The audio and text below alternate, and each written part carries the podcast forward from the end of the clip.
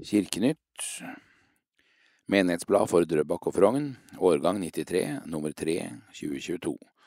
Lydutgaven produseres av KAB Kristent Arbeid blant blinde og svaksynte, og det er Jonas Kippersund som leser. Denne utgaven inneholder blant annet avskjed med Dag Kjetil Hartberg, ny biskop i Borg, konfirmanter og barne- og familietilbud. Drøbak og Frogn menighetsblad, utgiver Drøbak og Frogn menighetsråd, utkommer med fire nummer per år. Redaksjon Hilde Løven Grimstad, Terje Hagen, Hanne Tegner og Govert van der Brink.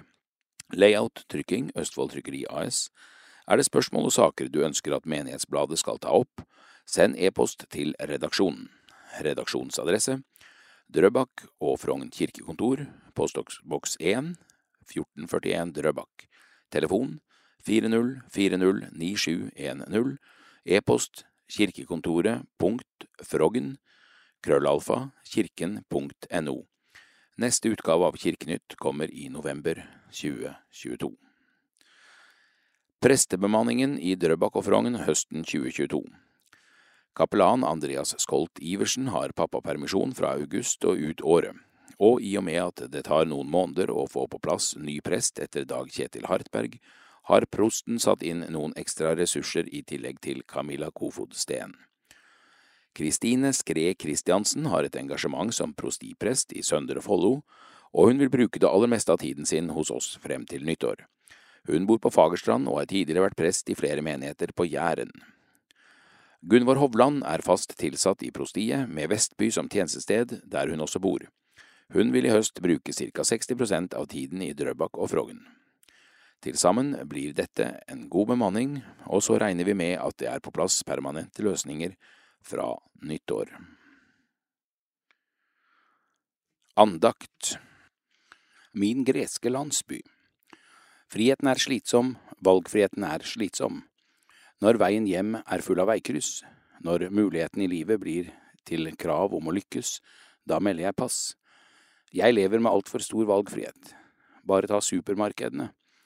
Der kan jeg velge mellom 20 brød og sikkert 30 ulike yoghurter. Blir jeg lykkeligere av det? Nei, jeg blir bare frustrert der jeg må ta stilling til fettprosent og saltinnhold, grovhetsgrad og frøtyper. Når kravene kommer, da ønsker jeg meg et lite, lettstelt hus. Jeg ønsker meg oppgaver jeg alltid er i rute med, rytme og tradisjoner. Jeg ønsker meg rutiner og en fastlagt vei. Og jeg drømmer om å bo i en liten landsby med baker, grønnsakshandler, fiskebutikk og kolonial. Jeg skulle gå ut og handle det samme brødet og grønnsakene hver dag, jeg skulle treffe de samme vennene på kafeen klokken tolv, og undre meg over livet og evigheten i en liten kirke som alltid var åpen. Det er drømmen om min greske landsby. Friheten er krevende. De store valgene i livet, som valg av yrke og livsledsager, har jeg tatt alene. Det har ikke vært kultur for å drøfte valgene der jeg kommer fra. Det er på en måte bra, men fører også til at ansvaret blir mitt alene. Dessuten er det en forventning i vår vestlige kultur at når du kan velge fritt, når du har mange muligheter, bør du klare å nå dit du vil. Du kan bli hva du vil, bare du arbeider hardt nok, er tidens refreng. Og de som ikke når målene sine, har bare seg selv å takke. Det kan bli en stor påkjenning. Hva skal jeg velge for høsten? De store valgene har jeg allerede tatt. De har vært bestemmende for livet mitt, men alle de små valgene, hva med dem? Trosvalget mitt er både et stort valg og et lite valg jeg tar hver dag. Jeg har flere ganger stått ved veikryss og vurdert. Jeg må velge på nytt. Krisene i livet mitt har vært slike veikryss.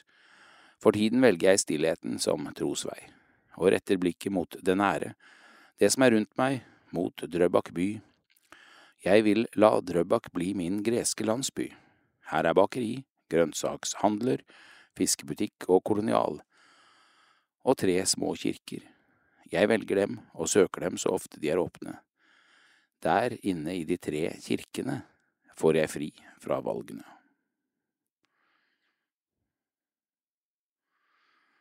Menighetens misjonsprosjekt Hvordan går det på Madagaskar? Det har vært vanskelige tider med pandemi, flom, dyrtid og sult, men folket står på. Bruk dine talenter, ikke vær en passiv mottaker, er rådet som lederne i menighetene der gir. Det er fristelser for unge arbeidsløse i storbyene der som i Europa, og mange blir avhengige av rus og alkohol.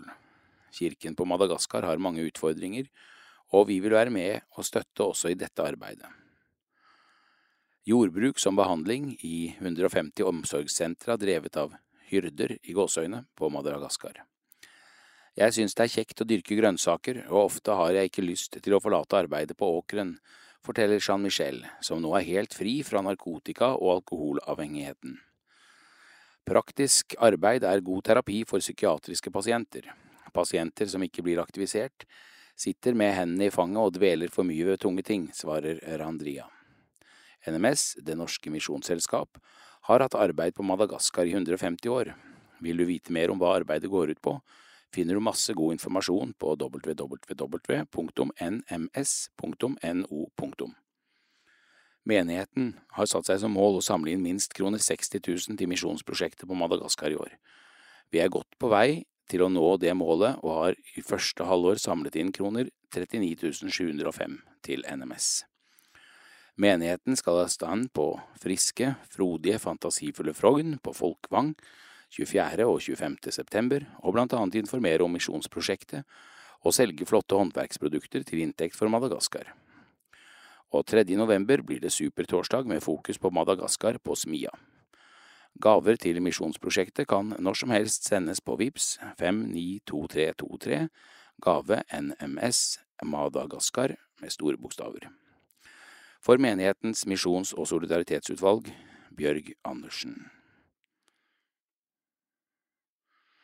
Konfirmasjon Påmelding 2023 Nå er vi klar for et nytt semester, og vi tar fortsatt imot påmelding for konfirmasjonsåret 2022–2023. Også i år inviterer vi til et variert program der konfirmantene kan velge mellom ulike leiralternativ eller fire halvdagsturer. Turene er i tillegg til samlinger på Smia og i kirkene. Skann QR-koden og les mer om årets konfirmanttilbud. Møte for foresatte 27.10. klokka 19 til 20 på Smia. Her gir vi detaljert informasjon om konfirmantåret helt fram til konfirmasjonsdagen. Usikker, men har lyst til å prøve? Chill og litt til. 16.10. klokken 17 til 20.30. Helt ærlig 20.10. klokken 19.00 til 21.30. Kom, snakk med oss og se om du vil bli konfirmant i kirka. Er dette noe for meg? Ungdomstiden er en tid for utforsking og utprøving, og det er mange ubesvarte spørsmål. Mange lurer på om de kan være konfirmant i kirken. Kanskje er du ikke døpt, eller lurer på hva du tror på. Alle kan være med på konfirmasjonsforberedelser, og det er ditt valg om du vil gjennomføre selve konfirmasjonen. Ta gjerne kontakt med Oddrun Bøhlerengen hvis du ønsker en samtale eller mer informasjon om konfirmanttiden. For alle tenåringer Chill og litt til. Søndag 11.9. åpent fra klokken 17 til 20.30. Søndag 16.10. åpent fra klokken 17 til 20.30. Søndag 20.11. åpent fra klokken 17 til 20.30. Vi holder til på hjørnet av Smia flerbrukshus, vil si møterommene i andre etasje. Her spiller vi brettspill, konsollspill, koser oss med digg mat og snacks, og så går vi på gudstjeneste sammen klokken 18.00. Det er alltid god stemning når vi møtes. Her er det rom for bare å være deg, sammen med oss. Helt ærlig, torsdag 20.10. klokken 19 til 21.30. En kveld med musikk, god mat og panelsamtale. Her snakker både ungdom og voksne helt ærlig om temaer som ungdommen er opptatt av. Vi snakker om alt som rører seg i ungdomskulturen, om kirken og samfunnet. Her er det fokus på fellesskap og samhold blant ungdom i Frogn. Trosglede, idrettsglede og livsglede på sommerleir i Bø. Etter to lange koronapregede år var vi denne sommeren endelig tilbake på Confaction Confaction er en av Norges største konfirmantleirer og arrangeres av KRIK, Kristen idrettskontakt. I fem dager var det kun tre ting i fokus, nemlig idrettsglede, trosglede og livsglede. På leir var dagene lange, nettene korte og været varierende. Alt fra stekende sol og teltoppsett i 29 grader, til styrtregn med 32 til 62 millimeter nedbør per døgn På magre seks timers søvn var konfirmantene med på mange spennende opplevelser. Dagene var fylt av fellesmøter med talere som Farmen-presten Tor Håvik, idrett, vannaktiviteter i Bø sommerland, klatring på høyt og lavt og innsamlingsaksjon for Idrett uten grenser. Her briljerte noen av guttene med egen speed-dating-bod. Mellom alle de nye inntrykkene, opplevelsene og de nye vennene var Drøbak og Frogns partytelt en god og trygg base å vende tilbake til for våre konfirmanter. Vi voksne var på plass og serverte måltider, hadde samtaler, kortspill og lek. Nattmatmenyen var alltid en innertier, den var kokkelert av vår egen leirprest og leirkokk Andreas. Som livet ellers var også leiren preget av at sorger og gleder de vandrer til hope, da særlig i lys av den tragiske hendelsen i Oslo natt til 25. juni. Det ble markert på en av fellessamlingene med bønn og lystenning for ofre, pårørende og berørte. Det var også et eget lystenningssted som sto under resten av leiren, og en leirkirke hvor folk var tilgjengelige for samtale. Midt i alt som er, er vi uendelig takknemlige for ungdommene våre. Takk for en super leir. Hilsen diakon Maria, kapellan Andreas og menighetspedagog Sara Emilie. Konfirmanter Frogn kirke, lørdag 3. september klokken 10. Amalie Johannessen Hartberg. Elea Skeie.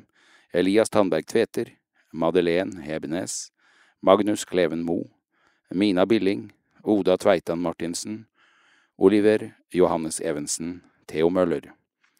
Drøbak kirke, lørdag 3. september klokken tolv. Ada Garder Bjørnstad, Benjamin Eiknes Rikardsen, Philip Refvik, Håkon Pedersen Lorvik, Isabel Daldorf Isaksen, Jesper Seberg Lersveen, Joakim Sogge Petersen, Marte Aaberg Slettebø, Selma Høstlund, Solveig Andrine Moe, Elliot Markussen. Drøbak kirke, lørdag 3. september klokken 14. Alma Rønnevik Ribe Andersen, Amanda Nygaard, Athena Angelica Reinsborg, Nora Kristine Galland, Vibeke Nylund Alvær, Victoria Skjønheider. Drøbak kirke, søndag 4. september klokken 11. Isabel Marie Solvang, Jonas Ilje, Kristoffer Randal, Oliver Randa Hansen, Theodor Strømdal Magdal, Marius Molle Lundberg, Anea Vinknes. Fra vannski i Drøbak til visitaser i Borg. Noen ganger er intervjuer morsommere å lage enn andre. Dette er ikke et av dem. Å sitte her og skrive om at Dag Kjetil skal slutte å være sognepresten vår, er skikkelig kjipt. Jeg var med på ansettelsen av denne fyren, og det har jeg vært stolt av mange ganger. En bedre sogneprest skal du lete lenge etter. Vi skal nok være glade for at vi fikk beholde mannen i så mange år som det tross alt har blitt. Han har vært en god prest i veldig mange menneskers liv. Han har vært der i de tyngste dagene og i de aller beste, for liten og stor, med et varmt hjerte og glimt i øyet. Nå er det tid for en oppsummering. Dag Kjetil er mannen med god oversikt og orden i papirene. Bare la deg imponere over statistikken fra smått og stort han har foretatt seg. Til og med antall kaffekopper er loggført. Hva driver du med akkurat nå? Akkurat nå skriver jeg en tale til en vielse jeg skal ha lørdag. Paret møttes på Grønland og bodde der noen år, så har lyst til å gjøre noe ut av det. Hvorfor i all verden slutter du som sogneprest i Drøbak og Frogn? Hm, jeg kan jo bare ha en jobb om gangen, og nå har jeg fått en annen. Og grunnen til at jeg bytter er vel rett og slett at tiden er moden for noe nytt. Jeg vil heller slutte mens jeg har det kjempebra her og enda er noenlunde offensiv i hodet, enn å passere det punktet. Jeg husker det satt langt inne hos deg å bli menighetsprest her, likevel tok du sjansen, hvordan syns du det har vært? Det stemmer, hadde jo levd lykkelig som prest utenfor vanlig menighetsliv, i KFUK og KFUM, og var veldig usikker på hvordan dette ville bli, og hvordan det ville oppleves å være prest der man bor. Vi hadde jo flyttet hit noen år tidligere. Men det har vært helt utrolig fint fra dag én. Jeg har opplevd at jeg har fått bruke hele meg, utfordre meg selv, og jeg har kunnet få være meg selv. Det å oppleve et lokalsamfunn som prest er et stort privilegium og veldig spennende. Det har blitt mange år i Drøbak. Hva er annerledes nå enn da du begynte, og hva er det viktigste du ønsker å si til oss nå? Det er ikke til å legge skjul på at det var en spesiell tid å begynne på. Det hadde vært noen litt tråklete år i kirken her, og staben ble så godt som helt byttet ut på få år. Men det ga også muligheter. Nå er mye annerledes. Smia utgjør en stor forskjell som møteplass i tillegg til kirkene. Det er flotte, proffe folk på mange områder. Så har vi hatt en pandemi, og den merker også kirken. Vi må ta litt tak for å komme skikkelig i gang. Den viktigste oppfordringen jeg har til folk i Drøbak og Frogn, er at vi alle må ta ansvar for kirken i lokalmiljøet vårt. Ansatte er bare en liten brikke i puslespillet. Det virkelig avgjørende er at vi engasjerer oss i små og store oppgaver, blir med på arrangementer, fremsnakker det vi opplever av positive ting, og sier vi og kirken min. Jeg tror kirken har en kjempeviktig plass i lokalmiljø og menneskers liv, og at mye av det som skjer, går litt under radaren hos mange. Hva går den nye jobben din ut på? Jeg mener jeg har funnet en jobb der jeg kan bruke veldig mye av erfaringen min til å hjelpe lokalkirken til å være en positiv kraft i sitt nærmiljø, og til å nytte godt av ressurser som finnes i vår mangfoldige kirke. Å være kirkefagsjef handler om å yte service og rådgivning til menigheter, planlegge og gjennomføre visitaser, og lede den gjengen med rådgivere på bispekontoret som har hver sine faglige spesialfelt. Vi har jo ny biskop, og det blir gøy å gå inn i et nytt team rundt henne. Hva er det sprøeste du har gjort som prest? Det er vel vanskelig å ro seg unna innsamlingsaksjonen til Madagaskar i fjor. Min debut på vannski foregikk altså i prestekjole bak brannbåten noe usikker på om jeg var på villspor der. Men det ble mye penger av det. I parentes, og var faktisk utrolig morsomt, da. Parentes slutt. Ellers vil jeg nevne de to store barnefestivalene vi fikk være arrangør for her, sammen med KFUK og KFUM. 250 barn fra området rundt og 70 frivillige herfra som sto på. Det var litt sprøtt å satse, men det gikk jo kjempebra. Har du egentlig et liv utenom jobben? Hjelpe meg, jeg håper ingen lurer på det. Det går fint an å ha både ferie, fritid, familie, hobby og venner selv om man er prest. Jeg koser meg i båten, løper stadig på meg nye strekker, leser meg opp på rare ting og har det først og fremst veldig fint sammen med familien. Koselig når de utflyttede kommer hjemom. Når du blir lei av å bære veska til biskop Kari i Borg, kan det være aktuelt å stunte en gudstjeneste i Drøbak og Frogn. Veskebæring høres veldig kjedelig ut, så det tror jeg det blir lite av. Dessuten foretrekker jeg ryggsekk, men en vikarjobb i ny og ne er vel ikke utenkelig, selv om jeg ikke skulle gå lei av Fredrikstad. Jeg kommer helt sikkert til å savne feltarbeidet, men veldig mye kan det ikke bli, så det er nok lurt å ansette en etter meg. Så vet jeg du er litt glad i tall, du har ikke tilfeldigvis noen du kan hoste opp som gir et lite innblikk i hva du har drevet med her? Jo, det lar seg nok fremskaffe, noen er nok temmelig presise, mens andre er litt mer anslag. Men her er de. 618 gravferder, 142 vielser, 600 gudstjenester, 500 dåpsbarn, 1649 konfirmanter. Jeg har ikke møtt, konfirmert alle, men har møtt dem iallfall. 18 konfirmantleirer. Den første fire dager etter jeg startet. Hu og hei hvor det gikk. 666 stabsmøter. 14 forskjellige roller under julaftensprekene har blant annet vært Herodes, Josef, Balthazar, gjetergutt, engel, vertshuseier og Lukas. 16.100 kopper kaffe. Uff da. Det er på tide å avslutte dette intervjuet, som faktisk ble mye morsommere å skrive enn jeg hadde trodd på forhånd. Dag Kjetil er fornøyelse å samarbeide med, nå er det noen andre som skal få gleden av det.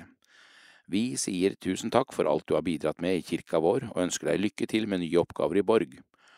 Og hva ble det til med dette brudeparet som traff hverandre på Grønland? Jeg aner ikke, men du kan jo spørre neste gang du treffer ham. Her kan intervjuobjektet under korrekturløsningen skyte inn at han brukte så lang tid på å lese seg opp på Grønlands planteliv og spesielt kvannplanten, at tiden rant ut og det endte med en mer tradisjonell tale. Skrevet av Hilde Lovén Grumstad.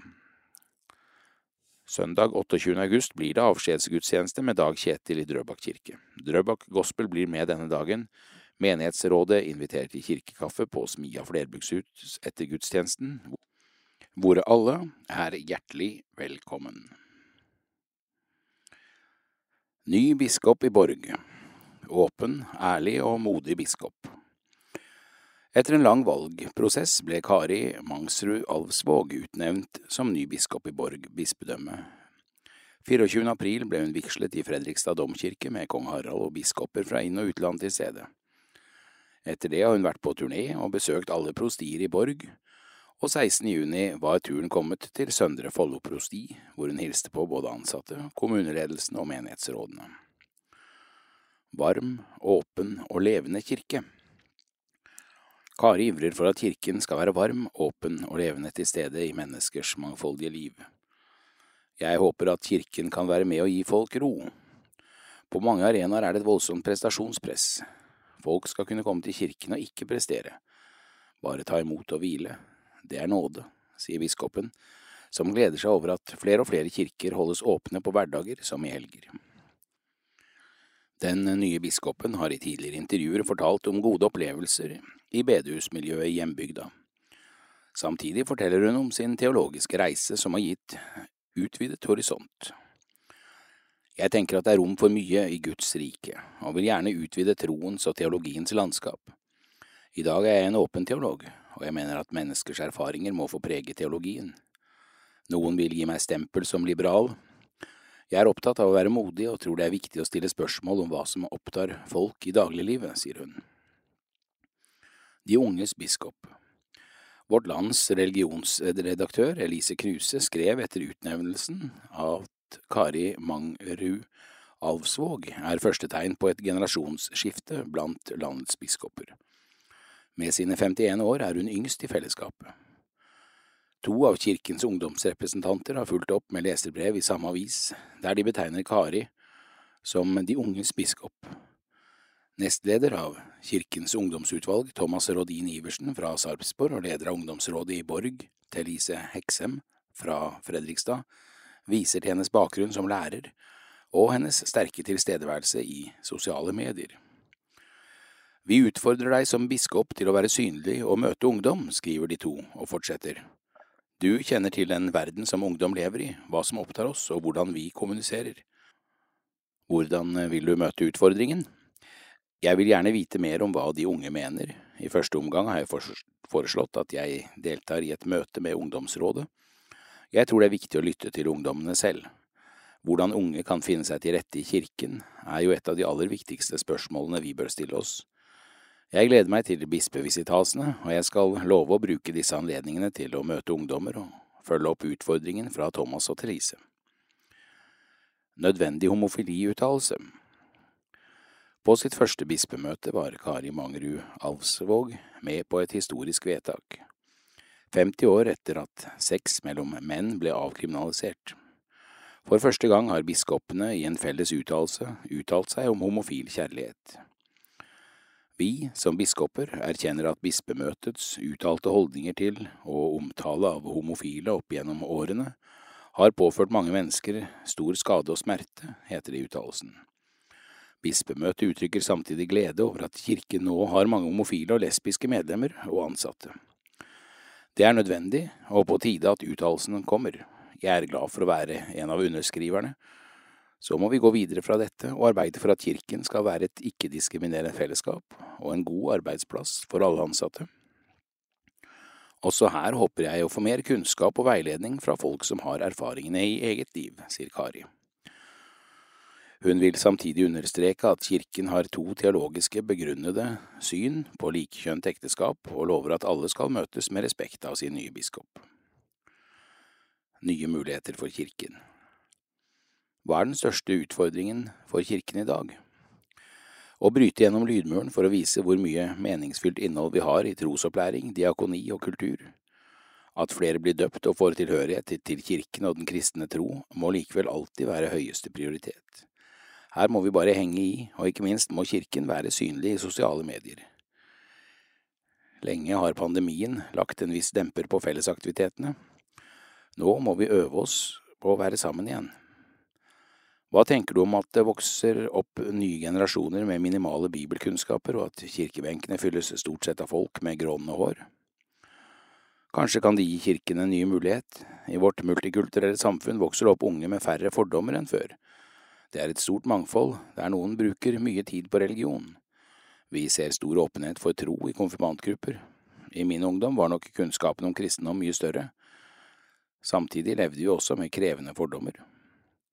Hvor lenge blir du biskop, og hva er en videre vei etter din tid som hyrde i borg? Så langt har jeg ikke tenkt.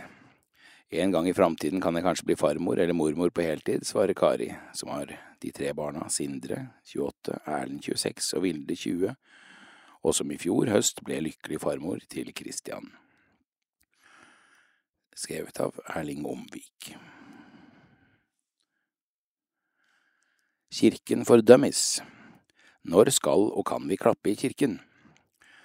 Noe av det første jeg lærte som barn, var at kirken måtte man være stille, og at det ikke var lov å klappe. Altså klappe i form av applaus. Er det slik lenger, og er det korrekt? I en vanlig gudstjeneste er det ikke vanlig å klappe, og rammen er slik at det heller ikke er naturlig. Applaus skal normalt hylle en hendelse eller aktivitet, og ikke når folk utfører en vanlig jobb. Det ville føles litt rart hvis menigheten brøt ut i spontan applaus etter en nattverd, og jeg tror vel at enhver konfirmant ville blitt flau hvis familien plutselig applauderte når velsignelsen er mottatt. Men det er en artig tanke også. I barndåp og bryllup ville det vel vært mer naturlig, men jeg føler at det ikke er spesielt utbredt der heller. Har opplevd det nylig, og det føltes greit, men det kommer etter, etter oppfordring fra presten. I begravelse derimot blir det helt feil med applaus, selv om man ofte hedrer minner avdøde med et minutts applaus, for eksempel ved idrettsarrangementer. De tilfellene det er lov, og naturlig, er for eksempel hvis det er musikk involvert. Når et barnekor stiller opp eller en solist gjør en solid solo, må det være greit med litt anerkjennelse. Ofte kan det være kor eller forsangere til stede på en gudstjeneste. Da bør det være greit å takke for innsatsen gjennom applaus. Det bør også være innafor å klappe takten til en fengende gospellåt. Men når presten og de frivillige gjør det rituelle, er det ikke passende å klaske hendene sammen. Hvis barn deltar i en familiegudstjeneste eller lignende, så er det også stas for dem å bli applaudert dersom det føles naturlig. Skryt etterpå er like viktig og øker motivasjonen. Og er du på julekonsert, klassisk konsert eller hører på et kor i kirken, er det nødvendig å på sin plass med applaus og jubel, særlig hvis man er fornøyd med det som presteres, og det er man jo som regel. Og det bør jo ikke være forskjell på en prestasjon i kirken eller andre konsertlokaler. Samme prestasjon bør gi samme applaus. Et paradoks i den sammenhengen kan man si er at hvis man har betalt for å komme inn, så er det faktisk anledning til å velge å la være å klappe også.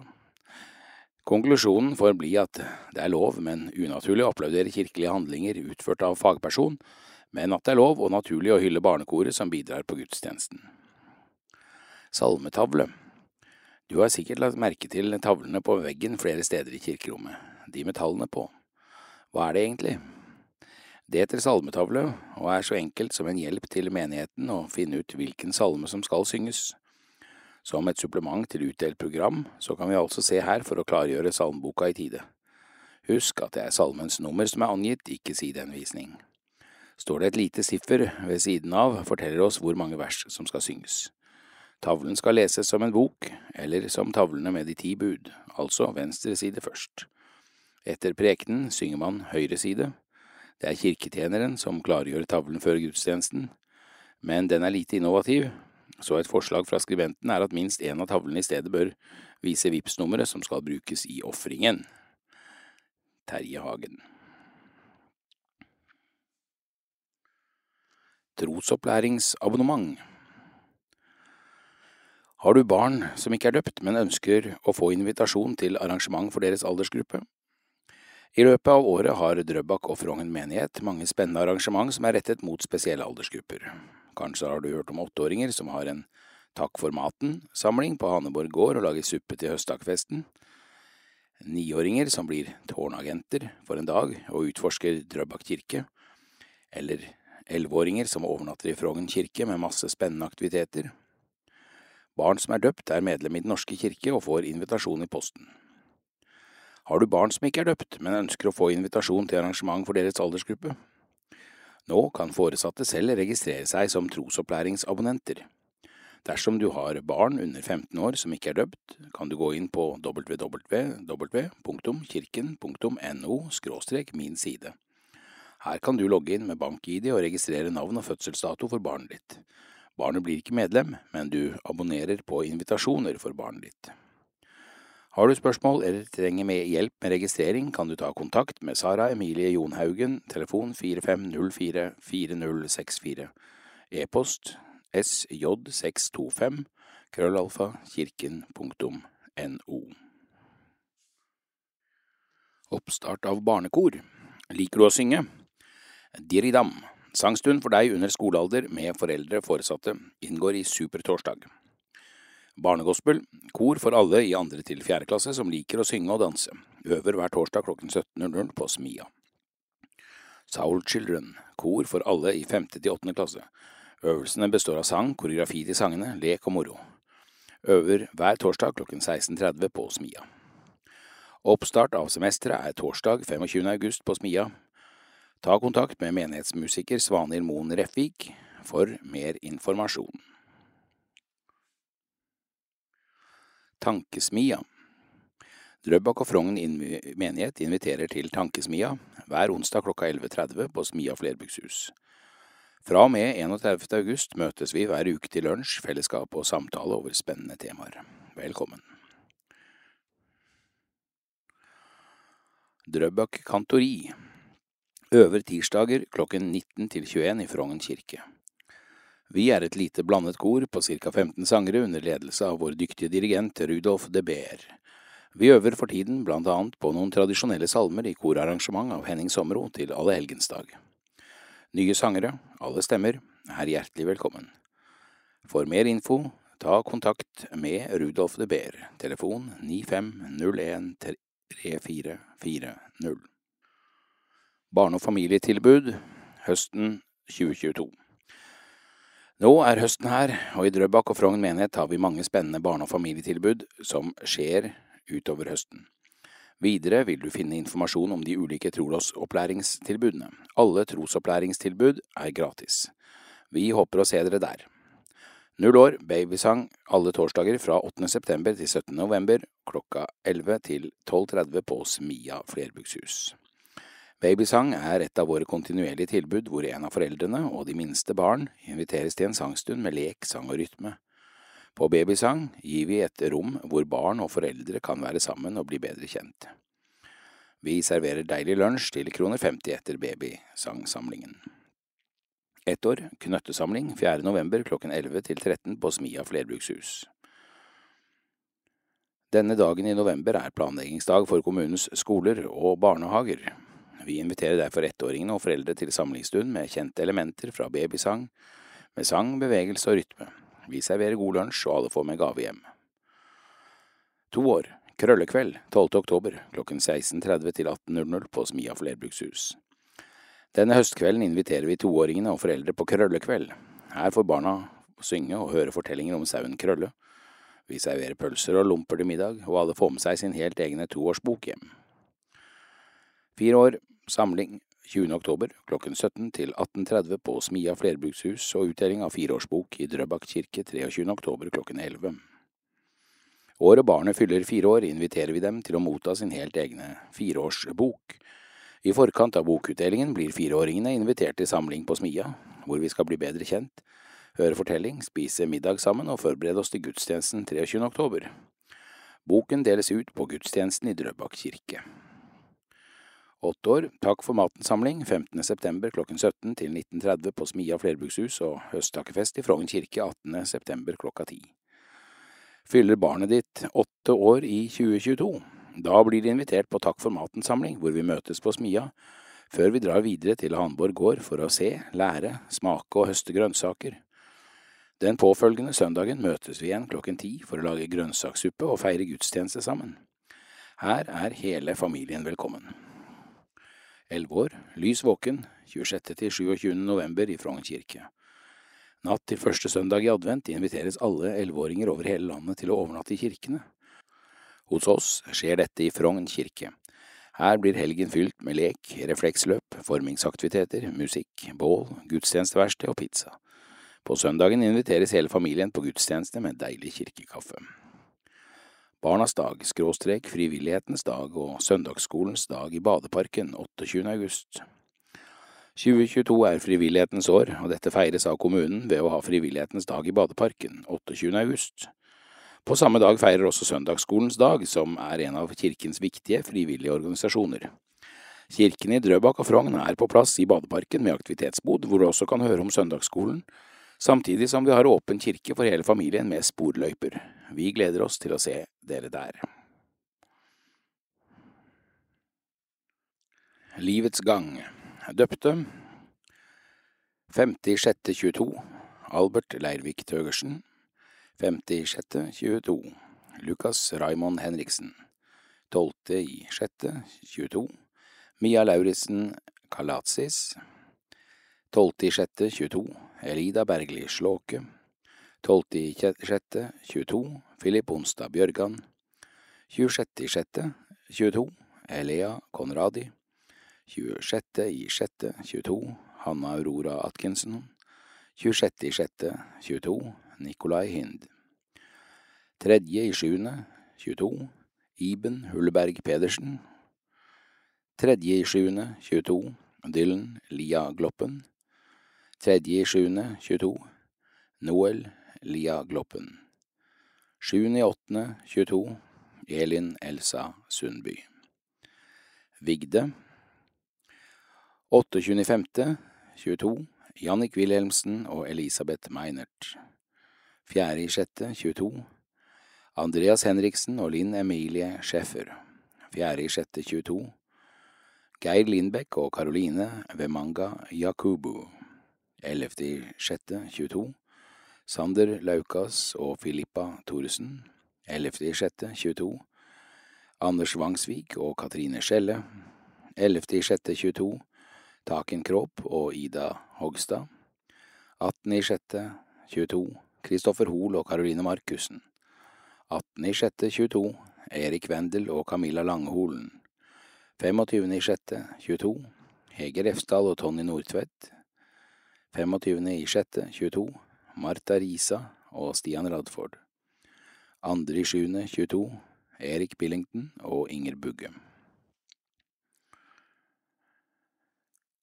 2.7.22 Jan Fredrik Strandli og Tuva Amalie Strandli.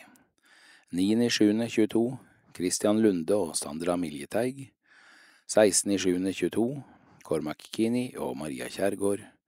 21.7.22 Karina Bravo Ibanez og Henning Pangli 23.7.22 Lena Svan og Hans Jørgen Solli. 23.7.22 Niklas Rost og Anette Helgesen. 23.7.22 Marit Stumperud Haugen og Leif Erik Egli. 30.7.22 Augustina Harkestad og Rune Harkestad. 30.7.22 Charlotte Witzøe og Henning Brun. 6.8.22 Johan Ulriks og Ingrid Bjørnstad. Gravferd. 3.6.22 Anders Nesje Johnsen. 3.6.22 Angar Skjøtthaug. 7.6.22 Turid Evelyn Bach. 10.6.22 Elise Antonie Rein Abrahamsen. 14.6.22 Hilda Gustava Baltersen. 14.6.22 Hilde Bakken 15.06.22, Svein Otto Andersen 17.06.22, Kari Skårnes 21.06.22, Jan Erik Heide 24.06.22, Helge Remsøy 24.06.22, Gunnar Johansen 1.07.22, Jan Hugo Lundvall 5.7.22 Berit Helene Wilhelmsen 5.7.22 Tor Holm 8.7.22 Jorunn Olaug Bakkelid Skårup. 12.7.22 Ellen Kristine Rundingen 15.7.22 Ragnhild Skjønhaug. 15.7.22 Nils Henrik Dulund Jensen. 19.7.22 Torny Rømer. 19.7.22 Jan Rye. 9.8.22 Lars Helge Myklebust Behov for samtale? Trenger du noen å snakke med? Ta gjerne kontakt med kirkekontoret på telefon 40409710 mellom klokken 10 og 14. Oppgi at du ønsker samtale, og en av prestene eller diakonene vil ta kontakt så fort som mulig. Det er også mulig å bruke e-post til å kontakte en prest eller diakon. Velkommen til kirkene. Søndag 21. august, Bygdeborgen klokken 13, friluftsgudstjeneste ved Camilla Kofod Steen i samarbeid med Historielaget. Mer info på kirken.no frogn. Søndag 28. august, Drøbak kirke klokken 11.00. Gudstjeneste ved Dag Kjetil Hartberg og Svanhild Moen Refik. Avskjed med Dag Kjetil Hartberg. Etter gudstjenesten er det kirkekaffe på Smia, hvor alle er velkommen. Lørdag 3. september, Frogn kirke klokka 10.00, Drøbak kirke klokka 12.00 og Drøbak kirke klokken 14.00. Konfirmasjonsgudstjenester ved Oddrun Bøhlerengen, Maria Njerve Borgenvik, Sara Emilie Jonhaugen og Rudolf de Beer. Søndag 4. september, Drøbak kirke klokken 11.00. Konfirmasjonsgudstjeneste ved Camilla Kofod Steen og Rudolf de Beer. Lørdag 10. september, Drøbak kirke klokken 15.30. Dåpsgudstjeneste ved Camilla Kofod Steen og Rudolf de Beer. Søndag 11. september, Smia storsal klokken 18.00. Smia-gudstjeneste ved Camilla Kofod Steen og Svanhild Moen Refik. Kirkekaffe, skråstrek, kveldsmat etter gudstjenesten. Søndag 18. september, Frogn kirke klokken 11.00. Høstdagfest ved Kristin Skred Kristiansen og Daina Molvika i samarbeid med Bygdekvinnelaget. Kirkekaffe. Mulighet til å gå en sporløype som er satt av speiderne etter gudstjenesten. Søndag 25. september, Drøbak kirke klokken 11.00. Gudstjeneste ved Camilla Kofod Steen og Magnus Lange. Drøbak kirke klokken 13.00. Dåpsgudstjeneste ved Camilla Kofod Steen og Magnus Lange. Søndag 2. oktober. Drøbak kirke klokken 11.00. Gudstjeneste ved Kristine Skre Kristiansen og Rudolf de Beer. Søndag 9. oktober. Frogn kirke klokken 11.00. Gudstjeneste ved Gunvor Hovland og Rudolf de Beer. Søndag 16. oktober. Smia storsal klokken 18.00. Smia-gudstjeneste ved Camilla Kofod Steen og Svanhild Moen Refik. Kirkekaffe, skråstrek, kveldsmat etter gudstjenesten. Søndag 23. oktober. Drøbak kirke klokken 11.00. Familiegudstjeneste ved Kristine Skre Kristiansen og Svanhild Moen Refik. Utdeling av fireårsbok, barnegospel, deltar. Lørdag 29. oktober. Drøbak kirke klokken 12.00. Dåpsgudstjeneste ved Gunvor Hovland og Rudolf de Beer. Søndag 30. oktober. Drøbak kirke klokken 11.00. Gudstjeneste ved Gunvor Hovland og Rudolf de Beer. Søndag 6. november, allehelgensdag, Frogn kirke klokken 11.00. Gudstjeneste ved Camilla Kofod Steen og Rudolf de Beer. Drøbak kantori deltar. Drøbak kirke klokken 19.00.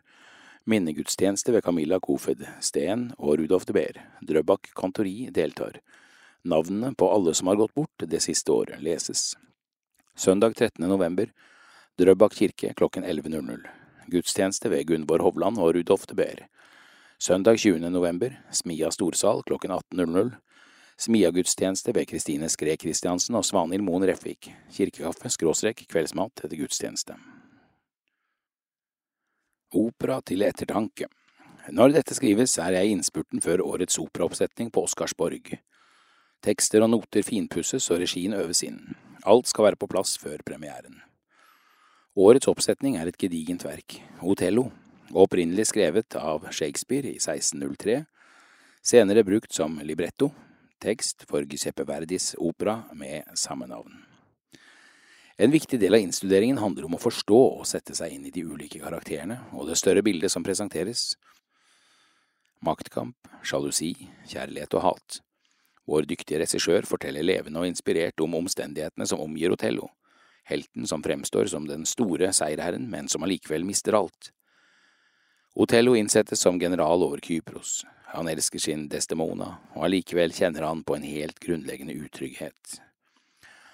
Allerede på 1600-tallet berørte Shakespeare utfordringene og konsekvensene av å føle seg utenfor, utfordringer som er like relevante i dag som da. Otello er maurer som med bakgrunn i sin kunnskap og kompetanse utnevnes til hersker over Kypros. Til tross for dette, og makten det innebar, følte han på en grunnleggende usikkerhet. Er jeg god nok? Vil folk akseptere og like meg? Hvem er mine egentlige venner? Og ikke minst, Destemona, elsker hun meg virkelig? Usikkerheten gjorde han sårbar og påvirkelig. For Otello fikk det fatale konsekvenser. Hans nestkommanderende Jago klarte gjennom listige grep å få Otello til å tro at hans kone Destemona hadde begått utroskap. Til tross for hennes mange forsikringer om at så ikke var tilfellet, valgte Otello å tro på Jago. Opera formidler de store dramaene, forsterket og dramatisk. Samtidig kan de store dramaene finne gjenklang i oss. Vi erfarer noe av det samme som operaen formidler. Otello var utenfor, han var en fremmed. og dette farget hans opplevelser og reaksjoner. Å ikke føle tilhørighet. Utenforskap tar mange former og rammer flere enn vi tror. Fattigdom, rus, psykiske helseproblemer, nedsatt funksjonsevne, mobbing og arbeidsledighet er noen av de faktorene som Kommunenes Sentralforbund, KS, beskriver som veier til utenforskap. Det kan få store konsekvenser for den enkelte og for samfunnet. Ensomhet, ikke fullført skolegang, vold i nære relasjoner, vanskeligheter med å komme inn på arbeidsmarkedet og manglende sosialt nettverk. Listen kunne gjøres enda lenger. Å forebygge utenforskap er et langsiktig arbeid. KS understreker at kampen mot utenforskap avgjøres i de små lokale miljøene. Det starter hjemme, kanskje rundt kjøkkenbordet. Hvordan snakker vi om de som fremstår som annerledes? Hvordan takler vi det om vi hører om mobbing i skole og barnehage? Hvor raske er vi til å dømme, kanskje på et veldig spinkelt grunnlag? En god kollega fortalte denne historien. En fødselsskade ga han cerebral parese. Det er ikke veldig synlig, men han strever med å gå, særlig lengre strekninger. Av den grunn har han fått en elektrisk scooter som hjelper han i hverdagen. Mye stillesitting har gjort at han er blitt overvektig, noe som er en ytterligere belastning. Det gjorde inntrykk da han fortalte om mennesker rundt han som slengte ulike kommentarer som begynne å trene litt, du feiten, eller kom deg opp av stolen og beveg deg, og han avsluttet med å si det er nesten aller verst å ha et usynlig handikap. Samtalen ga meg mye å tenke på. Vår oppgave er å gjøre alt vi kan for å bygge gode, trygge nærmiljøer, hjemme, i barnehagen, på skolen, på arbeidsplassen og ellers der vi ferdes. Og jeg minnes plakaten fra krise- og incestsenteret i Follo. Jeg bærer så mye du ikke kan se. Bente Bjerknes Slutt på denne utgaven av Menighetsbladet.